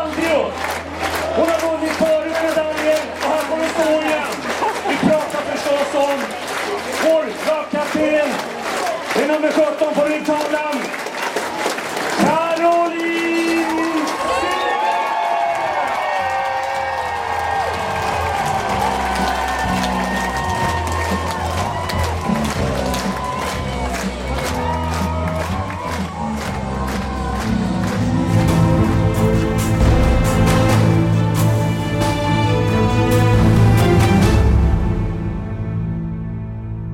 The most capped European of all time, Caroline Segier.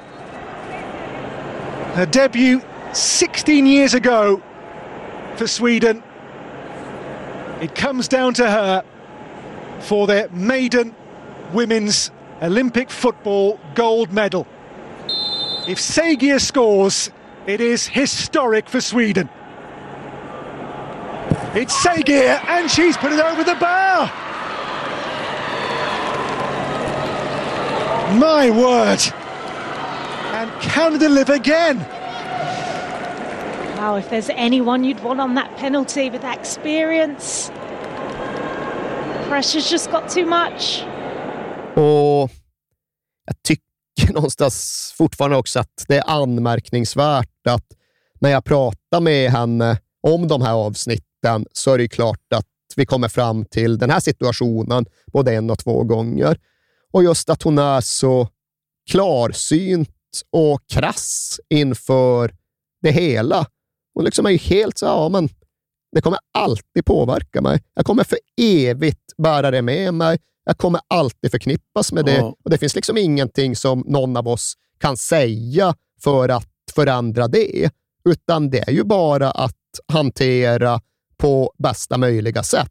Men så kommer det alltid vara. Och Det där är också lite ovanligt när man intervjuar en idrottare, eller för den delen en människa, om någonting svårt. För ganska ofta får man liksom lirka lite grann och ja, men ställa någon typ av omvänd psykologifrågor för att överhuvudtaget få någon att acceptera själva premissen att ja, visst, det här var något svårt och något tufft och något betungande. Det kan ju ofta bli sådär att men, det är inget jag tänker på. Liksom. Äh, men det är bara att gå vidare. Och Det är väl en enkel sak att säga, men det är ju aldrig sant. Alltså klassikern på detta är Sverige-Vitryssland OS 2002. Efter matchen Jörgen Jönsson intervjuas och säger att nu får vi ta revansch i VM. Ja, nej, det, det, det går inte att säga så. Samtidigt var väl Jörgen Jönsson inte på något sätt huvud... Han hölls inte huvudskyldig här, utan det var ju bara Tommy Salo. nej, verkligen inte, men det är bara hur man... Jo, någon Ja. form av försvarsmekanism. Men ja, Tommy Salos situation är väl på ett sätt lite Ja, ja. jämförbar. Det är väl kanske det närmaste vi kommer i svensk idrottshistoria. För det som alltid anges som parallellfall är ju Staffan Tapper och straffen i VM Ja. 74 och så då Tommy Salo mot Vitryssland. Och jag vill ju mena att ingen av de två situationerna når upp till det Caroline Seger behöver gå igenom. Det här är en mycket större och mer omtumlande sak, till och med än Tommy Salos grej. Mm. Och det beror ju dels på situationen och dels på tiderna med liksom sociala medier och allt detta. Ja, ja. Ja. Och Tommy Salo, jag vet inte, men det gick väl inte smärtfritt för honom att komma över hela den där grejen. Nej, jag vill minnas att jag, inte kommit över. Nej, exakt. Jag läste någon Han är intervju bara fortfarande helt häromdagen att ifall Ja. någon nämner i hans närhet så Ja. måste han typ gå hem och lägga Ja. sig. Så där kan man väl bara konstatera att hur han nu än har gjort så har det inte funkat något vidare för honom. Nej. Och då tror jag ju mycket mer på Caroline Segers sätt att bara helt öppet och naket ta det hela för vad det var och vad det är, utan att för den sakens skull vare sig bagatellisera det eller att bygga upp det till någonting som är större och viktigare än livet självt. Utan hon är ju oerhört klarsynt kring detta.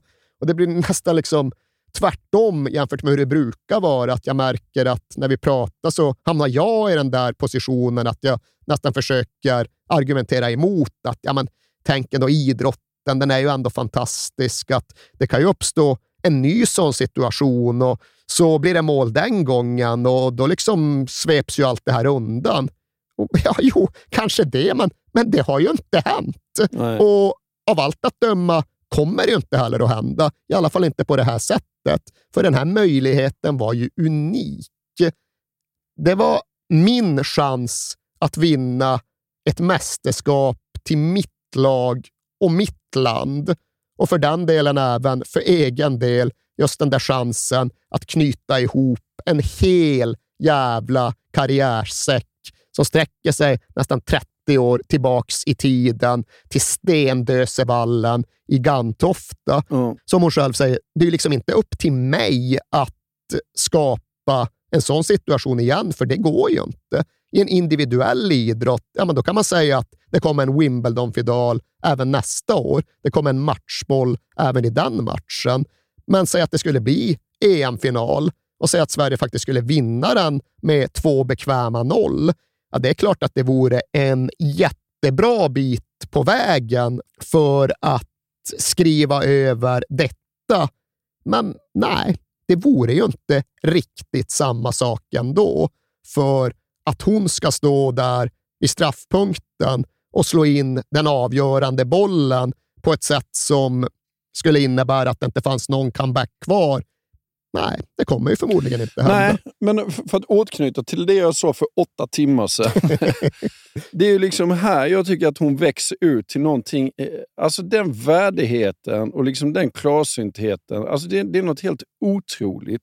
Ja, alltså, Inga ursäkter, Nej. ingenting, utan eh, stå upp för det och eh, jag, jag, jag vet inte riktigt mer hur jag ska kunna beskriva det, men hur mycket hon växer i, i, i ens ögon. Liksom. Ja, men det är ju den här intervjun hon gör med Discovery och Jessica Almenäs så gott som omedelbart efter att hon landat på svensk mark igen, som gjorde ett enormt avtryck. I en kvart Ja. sitter hon och gör det.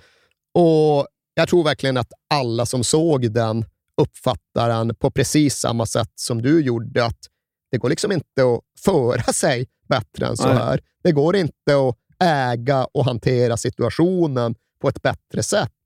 Återigen, det är ju inte att hon sitter där och säger att ja, men, det här reser mig från omedelbart och nu är det bara att titta framåt och så ska jag liksom göra ännu större grejer.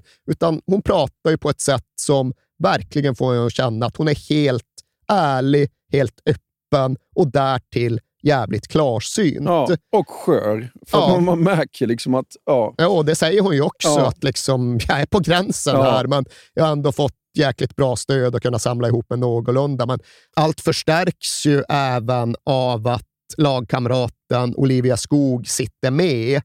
Och den allra mest gripande passagen i intervjun är ju när Almenäs frågar Skog om vad Caroline Seger har betytt för laget och hur hon är som ledare. ja. Och Olivia Skog blir ju så tagen att hon bokstavligt talat inte får fram orden från första början. Nej. Och då liksom griper Caroline Seger in efter sig och bara, ta det lugnt. Ja. Tänk på något Ja, positivt. precis. och till sist så samlar ändå Skog ihop sig och liksom stammar nästan fram orden för att hon är så jävla rör. Hon känner så starkt för sin lagkamrat och sin lagkapten. Och ordet hon till sist bestämmer sig för att använda är ju ovärderlig. Ja. Vad hon betytt för laget, hon som ledare, ovärderlig. Och sen orkar hon ju inte säga så där jättemycket, men hon säger liksom att ja, men inför straffsparksläggningen, det är bara oss andra hon tänker på. Hon tar hand om oss alla och jag förstår inte hur du orkar. Att prestera på den här nivån och bära hela laget och hela Sverige på dina axlar. Och men Det finns väl ett par grejer som jag ändå tar med mig mer än andra från hela den där situationen. Och Det ena är ju det där som vi också pratade om för att det vet jag, 6-7 timmar sedan. Att Caroline Seger själv har känt att den största utmaningen hon stått inför har varit att ibland faktiskt se till sig själv och inte bara tänka på andra. Men att hennes första instinkt någonstans ändå alltid har varit att se till andras, att se till gruppens bästa. Och här kunde hon själv återkoppla till det och liksom någonstans säga att ja, ifall jag nu hade ansträngt mig lite extra för andra genom åren så fick jag tillbaks precis allt efter den här straffsparken. Allt hon någonsin gjort för någon annan kände hon själv att hon nu återgäldades för mångdubbelt för att det var så oerhört många som hörde av sig och som stöttade och som verkligen ville henne väl. Och Det tror jag är svårt att sätta pris på som människa. Och därtill är det väl också det här andra kring ja, men hon har alltid spelat för något större. Hon har spelat för att inspirera och för att ge hopp och för att förbättra villkoren för framtidens damfotbollsspelare i hela vårt land. Och någonstans tror jag väl att bakvänt nog så är det inte säkert att det hade gjort så oerhört mycket större nytta på ett bredare plan att slå in den där straffen och vinna det där guldet. Det har du fan alldeles rätt. Jag frågar mig nu- om inte ja. liksom den där intervjun, hennes sätt att Ja. vara, hennes sätt att leda, hennes sätt att vara en förebild och ett föredöme någonstans blev ännu mer värt under ja, men hela det här känslosvallande efterspelet. Ja. För alltså, du kan ju fortfarande titta på OS-finalen och se straffen gå in i mål och känna att jo, jo, men tjejer som spelar fotboll, det är ju lösa skott, det är ju dåliga målvakter. Ja, på något konstigt sätt så går det tydligen att hålla fast vid den åsikten. Men du kan ju inte se Caroline Seger prata efter sitt livs största besvikelse och känna att ah, det där är en idrottsutövare som inte förtjänar respekt. Det går inte. Det är helt omöjligt att inta den hållningen. Sa du det till henne när du pratade med henne? Jag försökte väl, men det var inte, det var inte jag som skulle Nu säger prata. vi det igen. ja, det gör vi Ja. verkligen. Och, nej, men, det tror jag absolut att eh, hon, eller vem som nu tänker runt detta, i alla fall kan ta in och själva försöka vikta. För när då Caroline Seger till sist kände sig mogen att skriva ner, att formulera sina egna tankar på Instagram, för det är någonstans där den definitiva versionen numera kommer. Och där är det väl, ja, men i alla fall i mina ögon, några av de sista raderna som känns allra mest och som träffar allra hårdast. Och Det är ju det där när hon skriver att till alla er barn och ungdomar där ute, det är okej att misslyckas och må dåligt. Livet är upp och ner och idrotten likadan. Verkligheten kan göra ont, men hoppet och tron på att allt kommer vända och bli bättre är mycket starkare än allt som i stunder känns mörkt.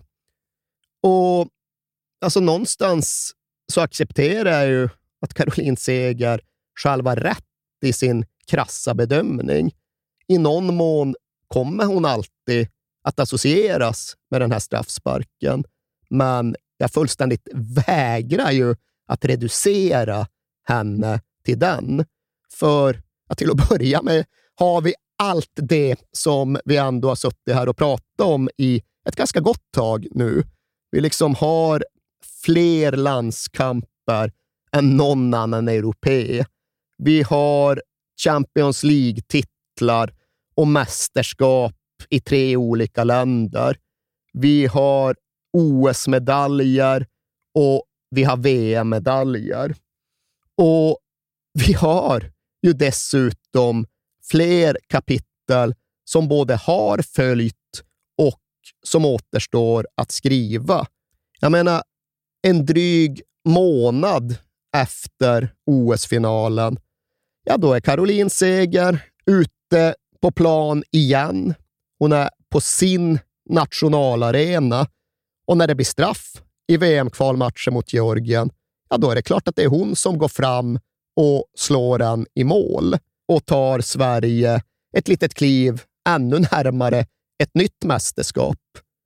Vet du förresten, som en parentes, hur många kvalmatcher som Caroline Seger har varit med och förlora som svensk landslagsspelare? VM-kval, EM-kval, för den delen även OS-kval. 22. En. Hon har spelat 60, hon har varit med och förlorat en. En?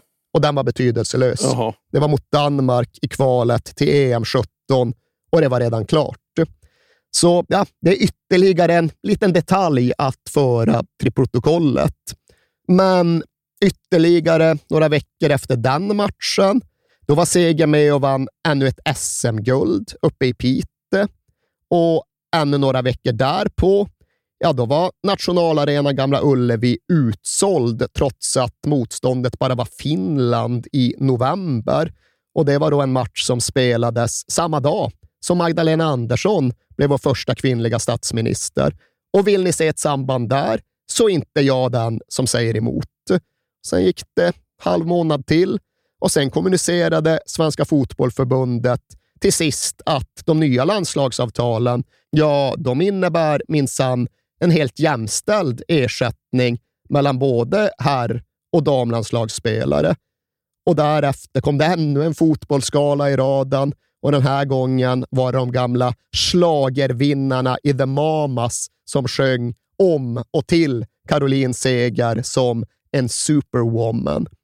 Och jag vet väl inte det. Jag är sån att jag varken tror på superwomen eller supermän, men jävlar vad jag tror på Caroline Seger och vad jag tror på kraften i hennes karriär och hennes exempel. För vad är egentligen viktigt? Vad betyder någonting för oss som människor? Är det att skjuta en boll i nät i ett utsatt läge från 11 meter? Ja, alltså, det har sin betydelse. Det har sitt värde. Missförstå mig inte. Men det har ju ingenting på ett helt liv och en hel elitkarriär som den absolut bästa idrottsförebild och det absolut främsta föredöme som jag överhuvudtaget kan föreställa mig. Så är det, så förblir det, så kommer det alltid att vara. Gå med mig. Bakom skuggor ser du solen. Och när du tvivlar